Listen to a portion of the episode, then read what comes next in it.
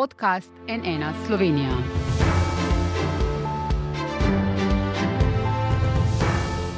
Dober dan, to je NN studio. Spoštovane državljanke in državljani. Danes sem na podlagi Ustave Republike Slovenije in zakona o volitvah v državni zbor podpisal odlog o razpisu rednih volitev v državni zbor. Takole je predsednik republike danes podpisal odlog o razpisu parlamentarnih volitev, ki bodo v nedeljo 24. aprila. Čez pet dni že začnejo teči roki za volilna upravila, predvolilno obdobje pa je s tem tudi uradno odprto. Kakšni so izhodiščni položaji strank, kaj bo odločilo tokratne volitve, za katere vsi akteri pravijo, da bodo prelomne, kaj torej lahko pričakujemo v naslednjih 73 dneh, kolikor nas loči do volilnega dne. Z mano v studiu sta nekdani predsednik državnega zbora Pavel Gantar, dober dan. Dober dan. In gospod Andraž Zorko, agencija Valikon, dober dan. Dobar dan. Pa če začneva, midva, gospod Gantar, aktivnosti strank so sicer že zdaj, povsem predvolilne obiski po Sloveniji, okrogle mize, pogovorni večeri v državnem zboru že vlagajo poslanske zakone, kot vedno pred volitvami. Kaj nam to pove o volilni kampanji, ki se sicer uradno začenja šele 30 dni pred volitvami? Ja, stranke se pravzaprav zdaj v tem pred, predvolilnem obdobju seveda, nahajajo v zelo različnih položajih. Ene so etablirane, utrjene na vladi, druge so seveda eh, že dolgo v parlamentu, tretje pa sploh še niso stranke, oziroma se sploh ustanavljajo, komaj da. In eh, zato je ta aktivnost eh, teh strank zelo različna. Vladne stranke seveda podarijo predvsem eh, njihov, njihovo vlogo in uspehe eh, v vladanju, pri čemer, uh, kadar, kadar uh, na kakšnem področju gre dobro, ne, si, si lastijo zasluge, če pa je kaj narobe, pa so za to krivi drugi. V, torej, stranko v parlamentu, v opoziciji pač gradijo na, na, na kritiki vlade in na nekaterih novih predlogih. Od, novih, od novih strank pa pričakujemo, da bodo na nek način prebile to nekoliko dolgočasno vsakdanjost sedanjega političnega prostora in seveda pričakujemo, kaj bodo prinesle novega v, to, v, ta, v ta zelo razburkan politični prostor pri nas. Gospod Zorko, pa na tej točki že lahko rečemo, kaj bo v spredju te kampanje, vsebine ali medsebojno uh, napadanje, izključevanje, obračunavanje. Ne, tudi predsednik Pahor je danes v izjavi kar malo že pozval medije, ne, naj na soočenih dajo prednost vsebinam, ne pa vprašanjem, kdo s kom ne bo sodeloval. Mislim, to dvoje se v resnici ne izključuje, ne, se bojo pač napadali z različnimi pristopi in pogledi na vsebine.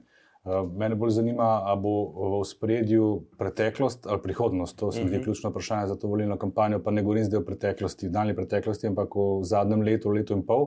Ali bodo torej prevladale teme, ki bodo analizirale uh, uh, epidemični čas, ali morda vse en pogled v prihodnost, kako pa zdaj naprej, ker volitve bodo čez dva meseca in pol, ko bo epidemija, po mojih ocenah, pa po ceni mnogih strokovnjakov, že kar lepo za nami, vzdušje bo drugačno. Ne na zadnje smo mi v zadnji meritvi naše raziskave Nova normalnost pretekli vikend zaznali uh, konkreten zasuk v pozitivno, ko govorimo o sentimentu, o percepciji populacije. Bistveno več optimizma, bistveno manj kritičnih izražanj Eh, osebnega počutja, kar že kaže na to, da se počasi stvari eh, normalizirajo, kar se tega tiče. Tako da težko rečem, da je zdaj le eno ali pa drugo, ki lahko, kar lahko prevladamo. Kakšno izhodišče ima po vaše, gospod Zorko, največja vladna stranka, ne? SDS, ki v anketah v bistvu nihče ni mogel priti blizu, dokler se ni pojavil Robert Golop? No, um, moje mnenje glede teh meritev je, takšno, da ga ne rad eh, na glas ponavljam, ker s tem na nek način pljuvam vlastno skledo, ker prihaja iz te industrije. Uh, merjenje volilnih preferenc pred volitvami pride za res, da zraža šele zadnji mesec. Uh, bom ponovil en primer, ki ga pogosto uh, navajam. Februarja 2018 je takrat nova stranka LMŠ Marina Šarca v anketah uh, kotirala nekje na 26 odstotkih in prevzela vodstvo. Uh, Štiri mesece kasneje je imela polovico niže izraženo podporo na volitvah in tu smo danes, na, te, na tej točki. Torej, danes presojati o tem, kakšna dejansko podpora in kaj bo, je mnogo prezgodaj, ker to, kar danes vidimo v anketah, to niso voljivci, to so podporniki, oziroma v primeru novih strank je s tem upravom navdušenci. In to se lahko dovolito še krepko spremeni. Uh -huh. Izhodišče SDS-a? Izhodišče SDS je med vsemi strankami v resnici najbolj stabilno, ker ima najbolj stabilno volilno bazo in hkrati tudi največjo po, po številu voljivcev. Da pa ta baza ni nedotakljiva, smo pa videli že leta 2014, pa ne na zadnje so neki znaki tudi, da prihaja do nekih razhajanj še bolj skrajno desno od te pozicije, ki jo danes zasedajo. Uh, pozicija je pa seveda dobra, posebej, še posebej zato, ker so vladna stranka, ki uh, brez zavor in tudi brez kakršnih koli včasih manir uporabljajo vse komunikacijske kanale, ki so na voljo. Jaz bi temu rekel, kar ne uporabljam, ampak zloraba, naprimer uh, Twitter računa vlade Republike Slovenije, ki je v bistvu sprivatiziran za to stranko. Tako da ta stranka uporablja, zlorablja kakorkoli vse možne vire, ima uh, od vseh strank, tudi, kot vem, najboljšo finančno sliko, tisto uradno, tako da so absolutno v dobrem izhodiščnem položaju. Pa lahko gospod Gantar, SDS, zdaj, ko smo pač videli, kakšen je njihov način vladanja v tem času, v času epidemije, še lahko razširijo svojo volilno bazo v SDS-u. Ali je pač njihov uh, domet omejen, lahko zdaj v tem času, morda z manjšo umilitvijo retorike Janša še pridobi kakšne voljivce bolj proti sredini, ali menite, da so si to pot že zaprli? Ja, težko, težko je reči. Prvo, prvo, kar bi rekel, je to, da je SDS danes zelo druga, precej drugačna, ne bom rekel zelo, pa precej drugačna stranka izpred 10, 12, 13 let, da je bistveno bolj radikalno desna, postala je tako populistična in uh, suverenistična stranka. Ne, včasih so bili to zelo navdušeni, brezprizivni, brez brezpogojni podporniki vsega, kar se je dogajalo v EU. Danes so pravzaprav eni izmed eh, kritikov uh, tega, te Brusla in EU-ja in tako naprej. Opozarjajo na dvojna merila vse čas. Tako ja. da se je stranka v tem smislu zelo premaknila na desno. Vendar, eh, tako da, da je vprašanje, nekoliko lahko posega eh, po bolj umirjeni, eh, pomirjenih, recimo, temu desnih voljivcih. Eh, čeprav je strategija njenega eh, predsednika pred, pred volitvami vedno bila, da je, da je nekako utišil rekel, zelo eh, svoje, svojo, svoj temperament, če smem tako reči, in poskušal biti bolj bolj vključevalen, bolj pomiževalen. Eh, eh, lahko bi rekel samo to, da je, da je profil SDS-a danes zelo jasen ne? in da ta profil eh, seveda pritegne določeno populacijo, hkrati pa seveda vzbuja tudi velik odpor. No? Eh, še vedno je seveda SDS po vseh raziskavah tudi stranka, ki ima največ odboja, torej da je največ ljudi, ki v anketah rečejo, da, te, da njih pa zagotovo ne bi volili. Gospod Zorko, kaj pa koalicijski partnerici, Nova Slovenija in uh, nekdanja SMC, zdaj konkretno, ki je v bistvu že del povežimo uh, Slovenijo, kako naj oni nagovarjajo voljivce, da se ne bodo glasovi v tolikšni meri prelivali k SDS, ki pa seveda obe te stranki potrebuje za sestavo prihodnje vlade? Se mi zdaj ne bi šel tako daleč, da bi dal konkretne nasvete, kako ne osvajajo glasove. Uh, jaz opazujem vedno v kontekstu nekih preteklih volitev, pa dogodkov, vsi omenjajo recimo leto 2008, ko je, ko je NSA izpadla iz parlamenta, kar je bila po mnenju mnogih takrat posledica tega, da je NSA izpal šel v vlado z Janšo. Mi smo pa takrat z analizo ugotovili, da ni bil to problem tega sodelovanja v vladi, kot tega poziva, ki ga je imel takrat Janša v zadnjem tednu pred volitvami, če združimo sile, da bomo zmagali, eh, na katerega se pa je takrat ni odzvala in, in nekaj volitev njih ostalo doma in so potem pač prišli, eh, oziroma niso prišli v parlament. Zdaj je situacija precej drugačna. NSA je zdaj uh, dve leti tudi v vladi z novo ekipo, s močno pomlajeno ekipo, ki je jasno pokazala, kam meri. Uh, bistveno in sicer podpore, saj na zven tako kaže, ni uspelo. Povečati. Uh, moram pa tukaj upozoriti, da je NSA ena od strank, ki so jo ankete v preteklosti mnogo krat podcenjevale, celo na usporednih mhm. volitvah, ki so najbolj, najbolj natančen pokazatelj rezultata. Poleg tega sta se tle pojavili še dve novi, novi, novi stranki, ne se pravi, uh, moja, skozi se motim, naša država.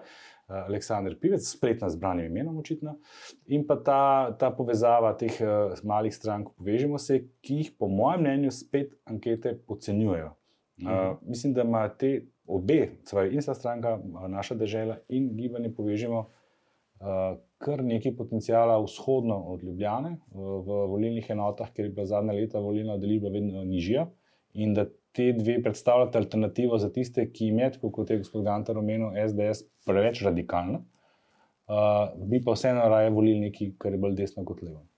Pa se, bi, se bo gospod Gantar, Novi Sloveniji, da nimo srdito ukvarjanje z levico, ne, na kar so preklopili, če tako rečemo, v zadnjem času, se jim bo to obrestovalo. Ne? Zdi se, da so trnek v bistvu namočili v ribnik, kjer že ribarijo njihovi partnerji iz SDS, če tako rečem. Torej, to je nek, nek fenomen, ne? ker v tem volilnem sistemu je že dolgo jasno, ne? da so največji rivali stranke. Ne? Da, največji rivali so stranke, ki si delijo vrednote in politično usmeritev v veliki meri. Ne?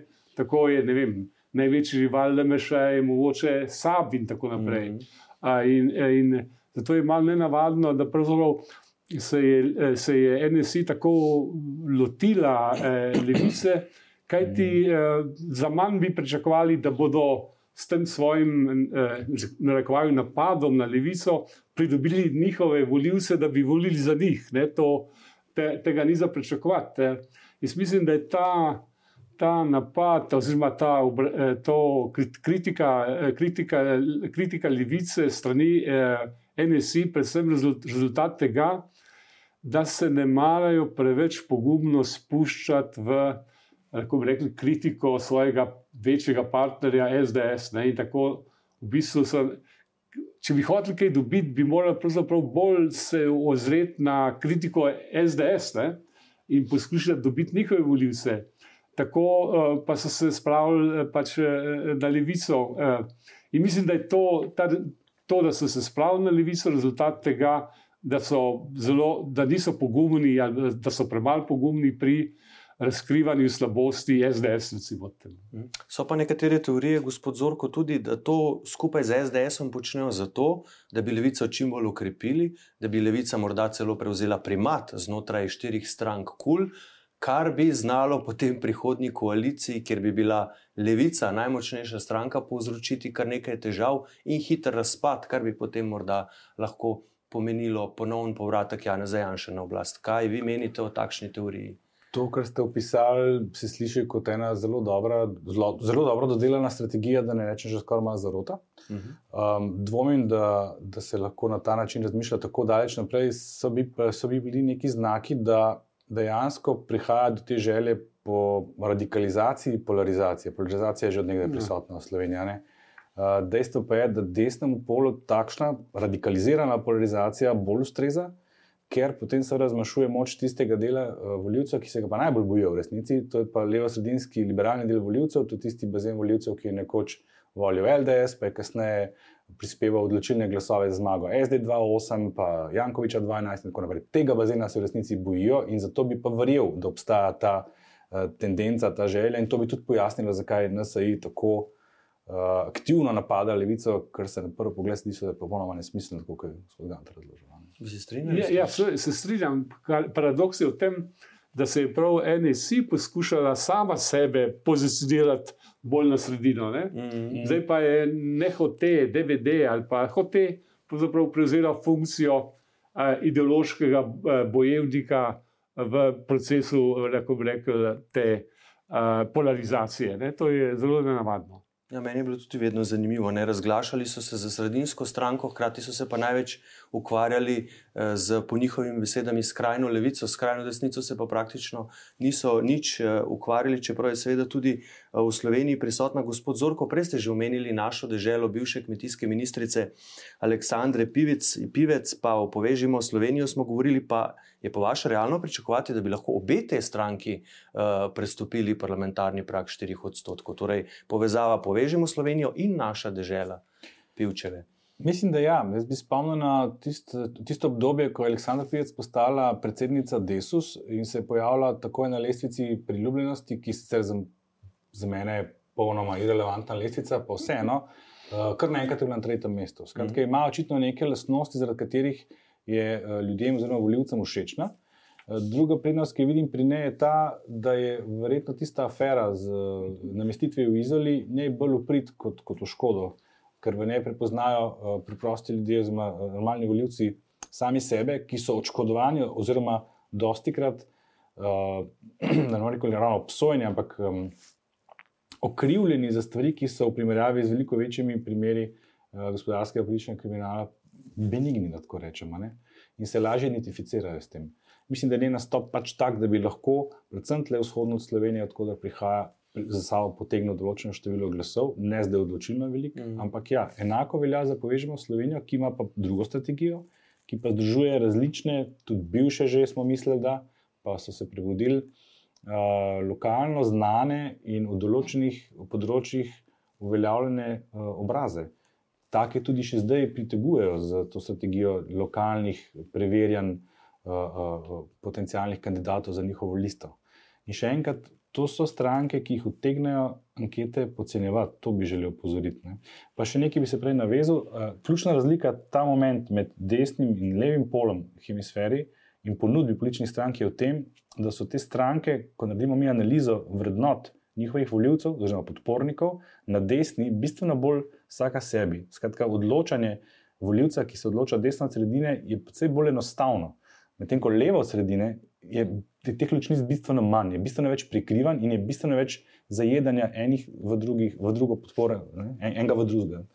Ampak vi, gospod Gantar, ste pa skeptični do. Uh, povežimo Slovenijo, ker seveda, ne, kot je gospod Zorko rekel, nekateri obrazi predvsej vlečejo, tudi župani so lahko atraktivni za lokalno prebivalstvo, ampak v tej povezavi so tudi nekateri ljudje, ki pa, bom rekel, bolj odbijajo in zaradi tega dejansko bi se marsikdo lahko odločil, da pa ne bi volil tega povez, te, te povezave, povežimo Slovenijo rav, ravno zaradi določenih posameznikov. Ja, tle ta fenomen ne, sestavljanja ker v politiki eh, se zna zgoditi, da ena plus ena eh, ni dve. Ne? Namreč, eh, recimo, če nekdo reče, da je ta ideja povežimo Slovenijo všeč ne? in bi jo mogoče celo volil, ampak jo ne bom, ker je na njej, recimo, Franz Kangler. Ne? In drugi reče, tudi meni je ta ideja všeč, vendar na eh, liste, kjer je počeval še gor, ne bom volil. Ne? In liste, kjer je podobni gor, ne bom volil, in tako naprej. Tako da se lahko ti, te osebe, ki brez dvoma ne, lahko v določenih okoljih kar precej potegnejo, lahko tudi več ljudi odvrnejo od, od tega. Tako da, vendar tega še ne vemo. Ne.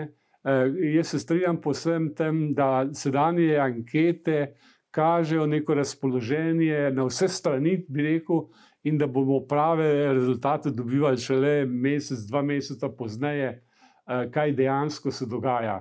In eh, do tedaj je, po mojem mnenju, zelo pomembno to, ne, da bo verjetno dobila tista stran, če smem tako reči, eh, eh, ki bo pravzaprav uspela angažirati. Ne prerasporediti voljivce, ampak dobiti nove voljivce. Mhm. In zato je zelo pomembna, seveda, tudi volilna udeležba na teh volitvah, mogoče bolj kot kadarkoli doslej, ker na zadnjih volitvah resnično na ljubo precej, precej nizka. Ne? Komaj da čez 50 odstotkov. No, to. to je ja. minimum, verjetno. Ja. Ja, Skratka, se strinjate, da bo tokrat višja? Iz, ja, jaz, eh, račun, jaz mislim, da bo višja in, eh, in da, bo, da bojo dobile tiste stranke ali povezave strank, ki bodo uspele odkriti rekel, nove bazene, v kateri so, so novi voljivci. Uh mhm. -huh. Ali pa bazene, pa ljudi, ki ne volijo, ki niso šli voliti in tako naprej ki praviloma ne volijo. Ne? To so v večji meri, ne, to niso nevoljivci, ne, ampak so v bistvu abstinenti, ne, tisti, ki so 2018 ostali doma, ker pač niso imeli prave izbire. In ti abstinenti obstajajo na obeh stranih, ne samo na levi. So ja, na obeh stranih, na levi ja. in na desni, to je treba vedeti. Morda jih je na levi nekoliko več kot na desni, ker je pač tudi v Sloveniji razmerje levo-desno še vedno nekoliko prid levega. Uh, je pa še en pomemben segment, so pa ti najmlajši voljivci, ti pa, ki šele prihajajo, ki smo jih prvič srečali na referendumu, uh mhm. -huh. ki za razliko od predhodne generacije, tako imenovanih milenijcev, participirajo. To se je videlo tako na referendumu, kot recimo pri cepljenju, odnosu do cepljenja. Ta krivulja je tako rekoč identična, korelacija je linearna. Uh -huh. E, ti so pa pomembni ne toliko zaradi same številčnosti, ker jih je pač demografsko gledano manj, ampak zaradi vpliva, ki ga imajo na starejše generacije, na generacijo X, pa celo na boomerje, tako imenovane, uh, tle so spostavili nek, spravim temu, medgeneracijski most. Mm -hmm. Tle je ta vrzel, ta, ta milenijci so bili neka vrzel, zdaj pa spostavili nek most in oni bodo pa zelo pomemben moment, kor, ker bodo pripričevali svoje starše, pa stare starše, mm -hmm. ki, jih vedno, ki jih je vedno več, ker vedno dlje živijo, kako ne volijo. In Aktivni še več, na referendumu torej. smo videli, da jih poslušajo. Mhm. No, to mislim, da je zelo pomemben vidik. Ne. Mislim, da je že samo dejstvo, ne, da, so, da ti eh, eh, mlajši volivci vedo, kje je volišče, ne, da vejo, kam morajo iti, ko bojo volili. Ne, eh, je, sa, je samo po sebi pomembno. In prav ta vidik eh, medgeneracijskega prepričevanja, jaz sem bil sam priča in eh, opazoval take primere, ne, ko so mladi prepričevali starejše eh, detke in babice, eh, kako naj glasujejo ne, na, na tem referendumu. To utegne močno, močno povečati. Skratka, eh, udeležbo, eh, predvsem pa sva- neko stvar bi m, se mi zdi, no, da stranke, ki bodo uspele, pa stranka, ki bi uspela lahko, do, dolo- do določene mere v politični prostor vnesti to senzibilnost, novo senzi, politično senzibilnost, ki jo je vnesel ta referendum, ne, bi utegnila dobiti kar lep, kar lep delež eh, na volitvah. Ne. Eh, Če gremo še k eh, izjavi predsednika Pahorja, danes je tudi dejal, da bo mandat za sestavo vlade podelil tistemu, ki mu bo dostavil 36 poslanskih podpisov, v nasprotnem primeru pa relativnemu zmagovalcu volitev. Ob tem je tudi upozoril, da bi bilo treba razčistiti, ali lahko kot relativnega zmagovalca šteje tudi koalicijo strank, ki bodo sicer nastopile samostojno. Uh, torej, to bi lahko bila koalicija KUL. Kako vi, gospod Zorko, razumete to, to njegovo izjavo? Kaj, sem nekako neformalno preveril pri KUL-u, o tem ne vedo nič in se čudijo njegovi izjavi. Pravijo, da bodo tako ali tako uh, dostavili podpise in da imajo tako ali tako sklenjen dogovor, da kdo bo znotraj KUL-a pač dobil največ glasov, da bo tisti mandatarski kandidat KUL-a. Ja, mislim, da to izjavo slišal tik preden sem prišel v studio. Uh, moram priznati, da nisem imel še dovolj časa, da o njej kontempliram, res ne. Mhm. Ampak, če se spomnimo uh, dogodkov 2018, sej takrat ni bilo pravzaprav nič drugače. Ne? Mhm. Gospod Gantar. Vete, ali gre za 46 podpisov, ne?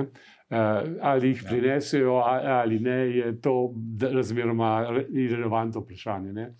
Eh, Žal eh, je eh, funkcija predsednika republike pri nas takšna, da nima kakšne pomembne vloge, razen bolj, bolj kot ne protokolarne. O tem se bo dogajalo in odločalo v parlamentu, med vodji poslanskih skupin in strank, in tisti, ki ga bodo predlagali, bodo verjetno imeli pod, torej 46 glasov, eh, sicer ga bolj kot ne ni- nima smisla predlagati. Tako da je to dokaj, dokaj nerelevantno vprašanje. Eh, Celo lahko bi rekel, uh, sedaj izvoliti predsednika, ne, eh, oziroma predsednika vlade, celo brez predloga predsednika rep- republike. Ne. V Eh, drugem krogu na predlog poslanskih skupin. Ja. Zdaj, stranke KUL, ki sem jih omenil, prav danes ob 17. začenjajo nekakšno okroglo mizo, kjer bodo predstavile nabor rešitev za Slovenijo. Razdelili so si vsebinska področja, LMŠ prevzema razvoj, SD je zdravstvo, Levica pravi blaginja za vse. SAP prevzema gospodarstvo. Razumete vi, gospod Zorko, to kot nekakšen odgovor Robertu Golobu, ki se je predstavil javno kot alternativa tem strankam in se jim pred volitvami ne bo pridružil, ga je bilo mogoče razumeti, obenem pa še ne vemo skoraj da nič o njegovem programu. Pa morda ne samo to.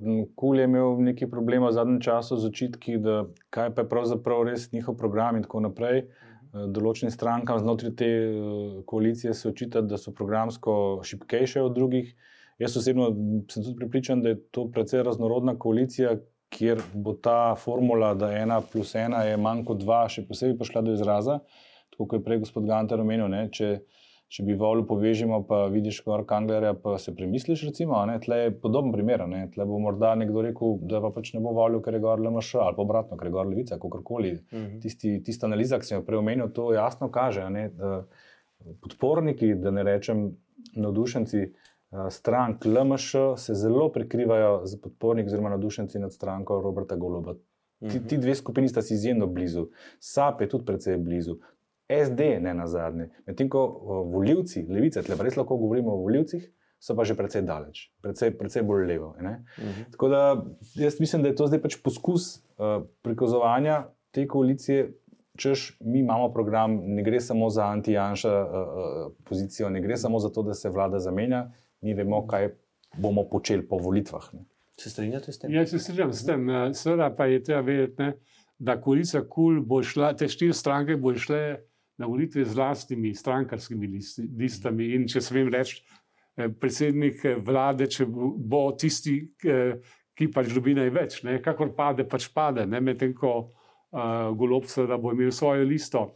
Jaz osebno mislim, da to ni nič slabo.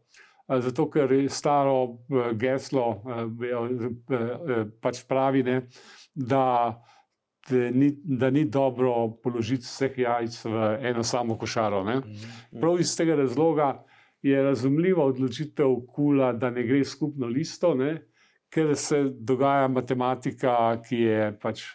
Eh, Da, kjer pač ena plus ena pač nista dve. Ne. Pa se lahko, gospod Gantar, Robertu Golobu zgodi to, kar se je denimo Gregorju Virantu, ne, ki so mu sprva ankete kazale celo zmago na volitvah, ne, potem so pa prišle ven določene zgodbe, tudi m, eh, tiste, spomnimo se tistih letalskih eh, vozovnic in tako naprej, in je potem do volitev padel pod 10 odstotkov. Ne. Tudi pri Golobu bo en del nasprotnikov zagotovo izpostavljal njegovo plačo, njegove prejemke, en del pa, in to verjetno kulne, odsotnost programa in širokega nabora kadrov. Ja, torej, tako golobova stranka kot golob se bo moral soočiti z vsemi temi stvarmi, ki so v politiki že dolgo znane. Ne? Mm.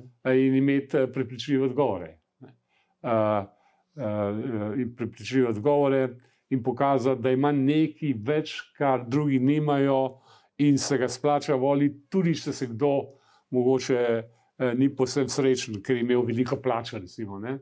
uh, v tem smislu se mi zdi, da je golob neka določena eh, inovacija, ker eh, tisto, kar je splošna slabost na, na, na, na polu, ki je levo od sredine, liberalno levo in, in levo od sredine, je pač to, da, eh, da, da na volitve ne gre z predsedniškim kandidatom. Medtem ko je na resnici povsem jasno. Ne? Mm. Ne, če bo zmagala desnica, je predsednik vlade Janez Janša. Ne. Če bo je zmagala pol eh, na levici, levo od sredine, mi še ne vemo, eh, kdo bo predsednik vlade, in, eh, šte, in gledamo malo osebnosti. Ne. In tu se zdaj, eh, jaz ne bi želel nič komentirati s tem, vendar eh, ta vidik eh, bo tudi, spo, bo tudi pomemben, kateri stranki bodo ljudje priznali ta sposobnost vladanja, kot bi rekli Nemci, regierungsfähigkeit. ne. Se pravi, ta sposobnost vladanja je zelo pomembna v teh presojah. Čeprav mi mogoče ni povsem všeč, ne, je vendarle, vendarle zaupam, da je tako dober, da, zna, da bo znal to peljati naprej. Ampak včasih so ljudje v Sloveniji to sposobnost vladanja niti ne označujejo po kakšnem programu ali po ekipi, enostavno tako, da jim je, da jim je kdo preprosto všeč, a ne gospod Zorko. Uh, pa vi mislite, da se lahko njemu zgodi podobna zgodba, kot se je Gregorju Virantu takrat? Zelo pomemben uh, v tem kontekstu pač družbeni kontekst, v katerem se volitve zgodijo. Ni samo všečnost. Jaz ne bi hotel Mhm. preveč banalizirati Mhm. izbora voljivcev v zadnjem desetletju. Tudi recimo tista situacija z Virantom je do neke mere primerljiva, pa ne povsem. Takrat je bil Virant eden od dveh igralcev, ko sta prišla na politični trg. Poleg Zorana poleg Jankovića. Zorana Jankoviča. Ja. Uh, in bil je videti tudi bistveno slabše pripravljen kot je naprimer Robert Golob. Uh, če gremo naprej, leta 2014, recimo pri, pri Miru Cerarju, SMC je bil kontekst popolnoma drug. Tja se je še prenesel tisti uh, takrat protestniški duh nasprotovanja vsem strankam in dejansko takrat ni bilo alternative levo od sredine. Pričemer so SMC volili tudi desno od sredine, zato so bili Mhm. tudi ostali na, nekoliko na slabšem. Ne? 2018 je bila že malo drugačna situacija, smo imeli to gospodarsko rast. Šarec ni uspel tistega zaupanja, ki ga je dobil na začetku, oziroma navdušenja, pre, pre, pretvoriti v zaupanje, alternativ pa ni bilo v resnici, ker eh, kot alternativa so bile samo stranke, od katerih so se zatekli k Šarcu. In tu bi se utegnilo zgoditi podobno. Ne? Če bo prišlo do razočaranja nad Robertom Golobom, zaradi česar koli že, časa je dovolj do volitev, je vprašanje za te volivce, kam pa lahko grem. Ne? Lahko se odločijo na koncu, kot je gospod Ganta rekel, vendarle bom ostal pri Golobu, ker mu zaupam, da lahko vodi vlado in to je vsekakor bolje kot karkoli drugega. Ali pa si rečejo, to ni to, alternative, tam sem že bil, ne grem, se zgodi volilna abstinenca levo od sredine, kar je v bistvu edini recept za zmago desno-sredinskih strank in verjetno bodo s svojimi- svojo kampanjo stremele točno k temu. Bomo z zanimanjem spremljali, eh, Najbrž se pa strinjate, vi ste to že večkrat dejali, gospod Zorko. Ne? Veliko ljudi, večina se bo odločala šele tik pred volitvami, torej zadnji mesec, zadnji teden, nekateri celo tik pred volilnim dnem. Ne? Več kot polovica se jih odloči zadnji mesec, več uh, ena petina zadnji teden. Bomo z zanimanjem spremljali vse skupaj, za danes pa spoštovana gosta, najlepša hvala za obisk na NN. Hvala, hvala pa tudi vam za vašo pozornost. Seveda nas spremljajte še naprej na nnainfo.si iz studija, pa lepo zdrav in nasvidenje.